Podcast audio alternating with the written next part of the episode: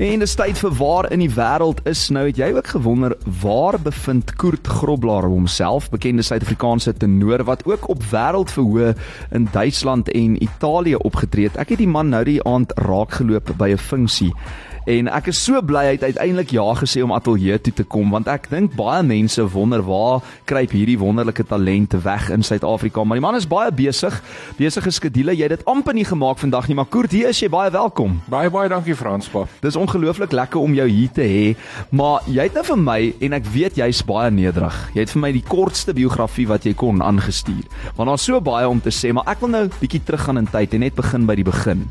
Nadat jy matriek voltooi het, het jy toe regte gaan studeer by RAI, is ek reg? Dis korrek, ja. En toe het jy in 1988 jou debuut in opera gemaak. Dis korrek. Waar was dit? Dit was in Fidelio. Dit was eintlik 'n besondere produksie.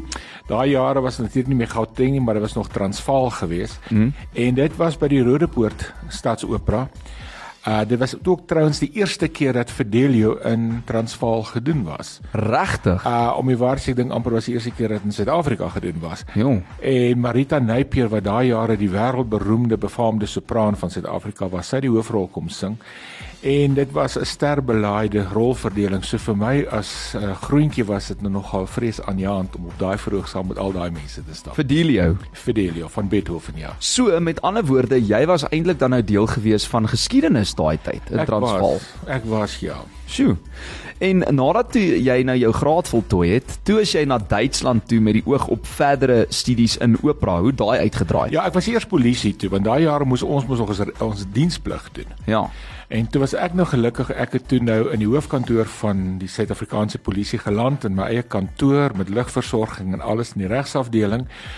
En daarvoor was ek maar dankbaar en na 6 jaar toe het ek besluit nou ja, al die opwinding is nou hier verby en ek wou altyd eintlik Duitsland toe beweeg het om net verder my stem te ontwikkel. En ek is toe Duitsland toe ja. Hm. En hoe het dinge daartoe nou uitgedraai vir jou? Hoe hoe die studies uh, uitgedraai want jy het toe nou eintlik gegaan vir die verdere studies in opera. Ja, dit was nou nogal 'n hele storie want ehm um, ek moet Hans van Heerden wat ook 'n groot opera bariton hier in Suid-Afrika is. Hy's hy's hy nou al in die 80. Maar ek het 'n lang gesprek met hom gehad en hy het toe gesê, weet jy, hy dink eintlik vir my is die beste plek Duitsland, maar hy kon nie vir my regtig sê waarheen nie. Hmm. So ek het 'n heel onortodokse manier gevorm. Ek ek gesvolg, ek het toe by agente gaan aanklop. Nou die eerste klomp was nog glad nie beïndruk met my nie, was in Frankfurt am Main en toe van daar af af beweeg München toe. En daar was toe nou 'n uh, Duitse ouerige man wat toe met my aan die gesels raak in Duits natuurlik. En hy kan aan my aksent hoor, maar ek is nie van Duitsland nie. Toe ek net sê ek's nie ek's van Suid-Afrika, sê maar hy ken vir Hanlie van die kerk baie baie goed, een van ons groot opera sangeresse. Mm. En lang storie kort te maak, hy het toe gesê maar hy gee sangles. Nou hy my gehoor het, het hy my gevat en so het my hoe kan mens nou sê my uh tog in Duitsland begin. Dit is verskriklik interessant en jy het ook in hierdie tyd in Duitsland konsertwerk gedoen en ook toe nou in Italië. Hoe het jy in Italië beland? Dit was ook maar deur agente. Ehm um, een van die wonderlikes wat ek daar gedoen het was onder andere by die Universiteit van Padua. Uh wat die onder uh die universiteit besonder maak, dis waar Giuseppe Verdi studeer het, waar Puccini bestudeer het en heel party van die ander. En daar moes ek 'n hele uitvoering gaan doen met die aria antiek en dit was 'n hele ensemble van renessans instrumente en bietjie van die meer moderne instrumente en as ons sê per modern is dit klassieke instrumente vir julle en so voort wat bygekom het. Ja. En was 'n besondere uitvoering gewees, ja. Hm. Maar waar het jou liefde vir opera spesifiek begin destyds? Want ek meen, as 'n klein seentjie moet jy seker iewers agterkom, "Hey, hier's 'n stem of hier is 'n passie wat ek nou ontdek, maar nou moet ek eers polisie toe gaan of ek moet nou deur hierdie ander goed gaan voordat ek uit kan kom by daai droom, né?" Nee? Vir my was dit interessant. Ek moet sê ek kom uit 'n sangersfamilie. My ouma het self gesing destyds en my pa het meer professioneel gesing. Hy was ook 'n tenor. En ek was 5 jaar oud toe ek my eerste opera gesien was nog Janis Kiki hmm. in Johannesburg Stadskouper was in Afrikaans gedoen. En daar het die koneksie gekom. Daar het ek geweet dit is wat ek wil doen en dis wat ek gaan doen. En ek het baie keer in die huis gesien my pa rondgeloop en gee ek sulke snaakse gille en skree sy nou wat maak jy sê ek ek is gey Torsten los my uit ek is gey Torsten. Gey Torsten. Gey gey Torsten. Maar nie Torsten maar Torsten. So ja, ek dink dit was maar eintlik in moedersmelk ingegee vir my hoor. Wel, dit is my baie spesiale gas vanmiddag hier in die Lunch Punch program. Ek gesels met Koert Groblaar, bekende Suid-Afrikaanse tenor wat ook al soos jy nou hoor op wêreldverhoë in Duitsland en in Italië opgetree het en net hierna gesels ons verder.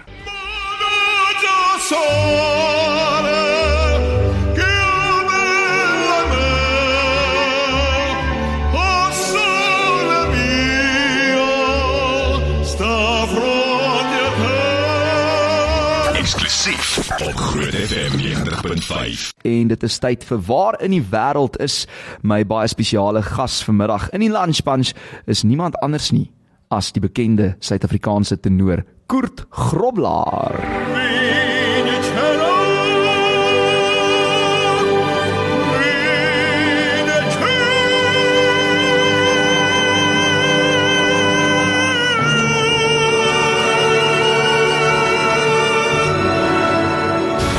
Lunch Punch op Groot FM 90.5. Eerstens ek weet nie hoe jy dit regkry om daai hoë note te tref nie hoor. Jy moet seker net maar jy weet daai kor gebruik.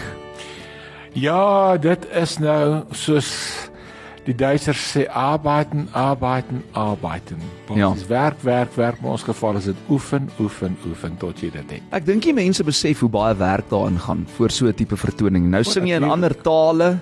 Jy moet vreemde note vang. Dit is regtig 'n 'n godgegewe talent. Ja, kyk, die ding is wanneer jy opera sing, jou jou stem uh moet jy dis hoekom ons begin eintlik baie vroeg so 8 selfs 12 maande voor die tyd hang af hoe groot die rol is en veral as jy nog nooit gesing het nie. Hmm.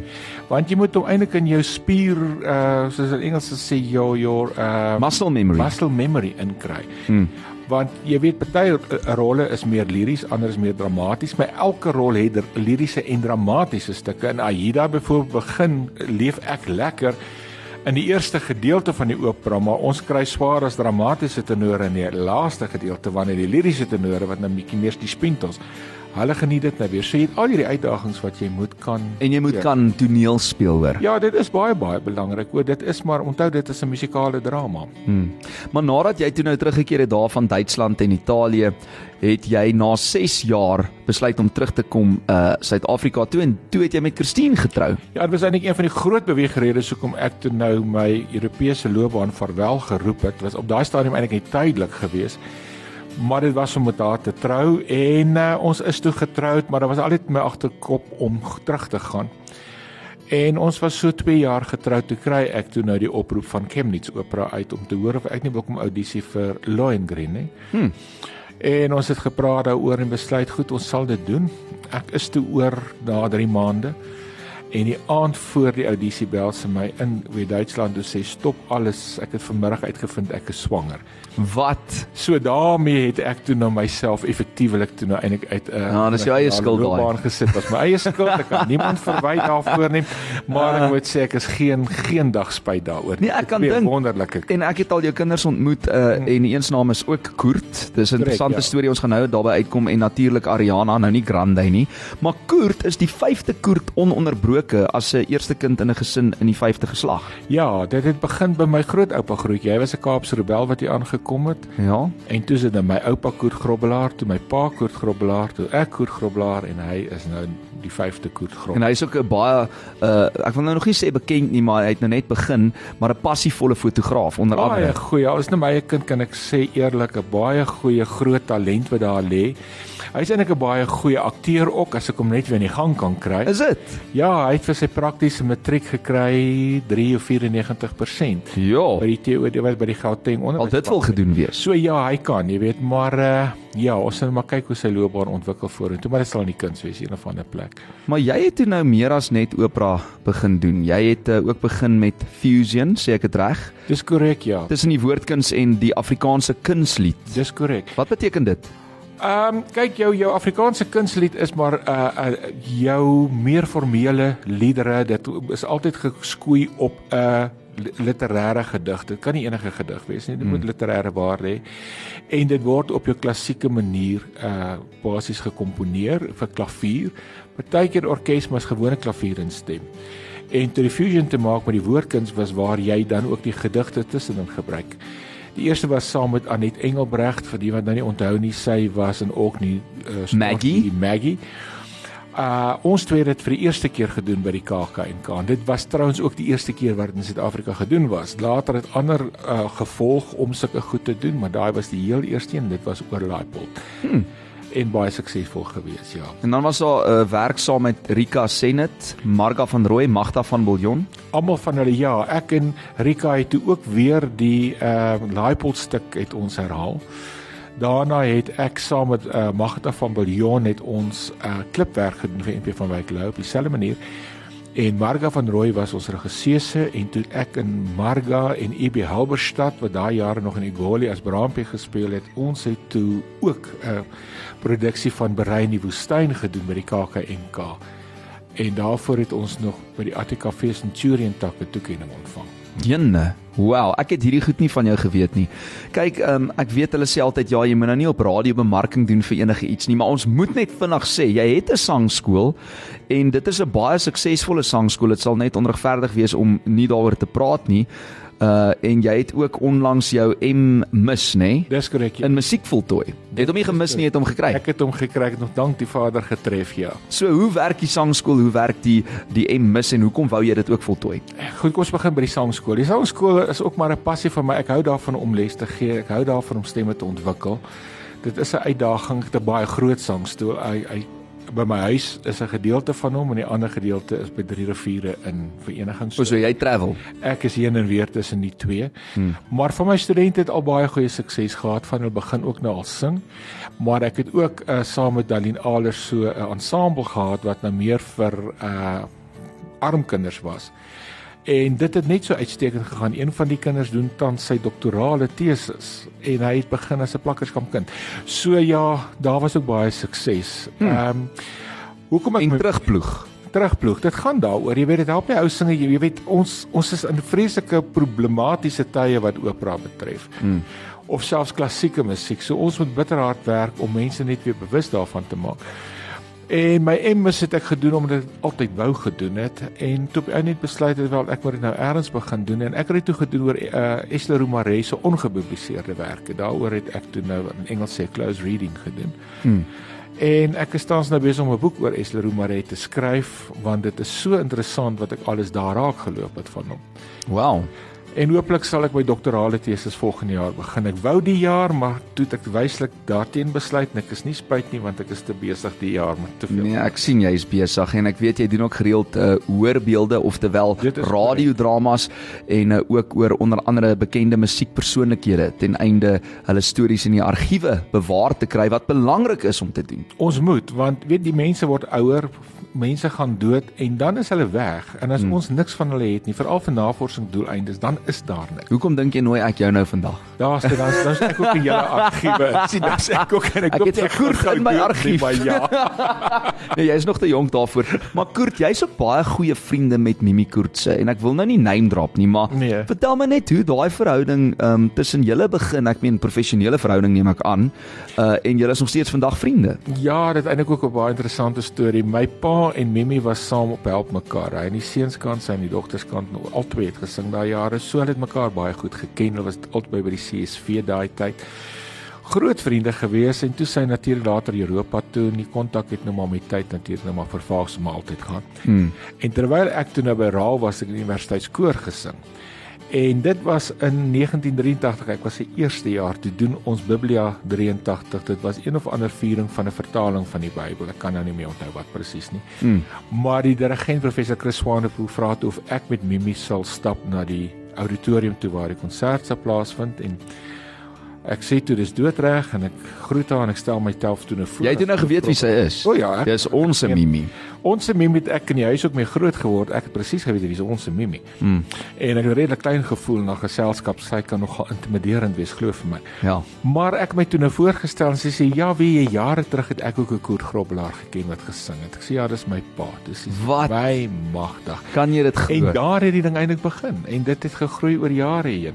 En jy gaan gereeld nog na haar toe vir koffie ja. en tee. Ja, Hoe gaan dit met haar? Ag, dit gaan eintlik baie goed. Sy verjaar vandag. Sy's vandag Vandag. Sy is vandag 'n volle 91 en sy's nog sterk en sy's gesond Wow. en sy is nog steeds volstreke en dan. 91 jaar oud. Dit voel soos gister toe hulle daai 90 jarige vieringe vir haar gedoen het wat jy ook gereël het. Ek het daai hele ja, ek het die hele uh, konsert gereël en die partytjie en alles toe sy 90 geword het. Ehm um, ek het ook vir op 85 'n kleiner enetjie gereël, Hmm. maar nou kan iemand anders dit doen as sy 95. Ja, en soos ek jou ken, Koert, wil jy eintlik glad nie die Koert wil nie daai krediet regtig vir homself vat nie, maar hy het eintlik super hard gewerk agter die skerms om Nee, ek daai glo my, dit was nou nog al 'n dit was dit was 3 maande uit my lewe. My Joe. jy kan nie dink hoeveel dit vat om so iets te reël. Het jy nou nie eers vir iets gereël vir haar 91ste hierdjaar nie? Nee, nee. ek Sies dink vir jou. Mimi kan nou ons nee, ek gaan hooplik as ek nou hier klaar is ek gou-gou baie net vinnig in uh, glip 'n goue glasie champagne drink en Stuur vir haar baie groete, sê vir haar almal hier by Groot FM sê vir haar ook baie geluk met haar 91ste verjaarsdag. Wat is die kans dat ek nou gesels met een van haar beste vriende, Koert Groblaar op haar 91ste verjaarsdag vandag? Dis ongelooflik. En uh, ek sien jy doen ook gereeld vertonings in klassieke werk as ook ander crossover vertonings. Is daar ietsie interessant wat voorlê vir jou nou? Ja, kyk, daar's heel party goed wat nog voorkom. Daar is onder andere nou met die Pretoria Simfonieorkes is daar later in Julie is daar 'n konsert, maar een Ja. wat nou bitter naby is, dis die 25ste Junie waar ek en Lis Meyering vir die eerste keer, ons het baie jare gepraat. Jy en Liz. Lis, ja, die eerste keer dat ons nou uiteindelik so ver is Ja. om 'n konsert saam te doen. Uh is nie Afriforum Theater, ek dink die 25ste Junie, ja.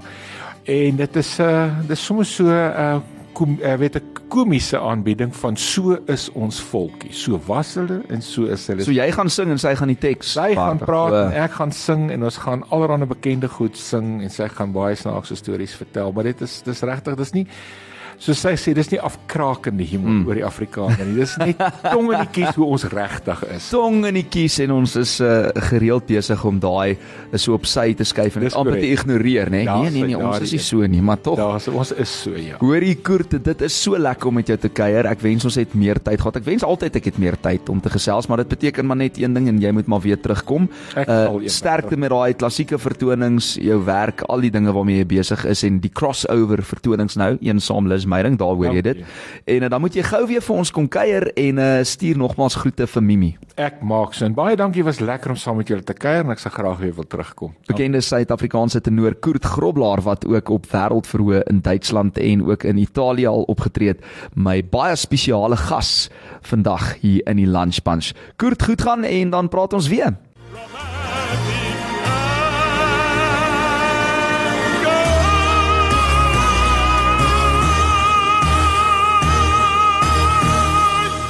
Ons vier 10 jaar saam met jou. 2019. Lately, I've been, I've been thinking, I want you to be happier.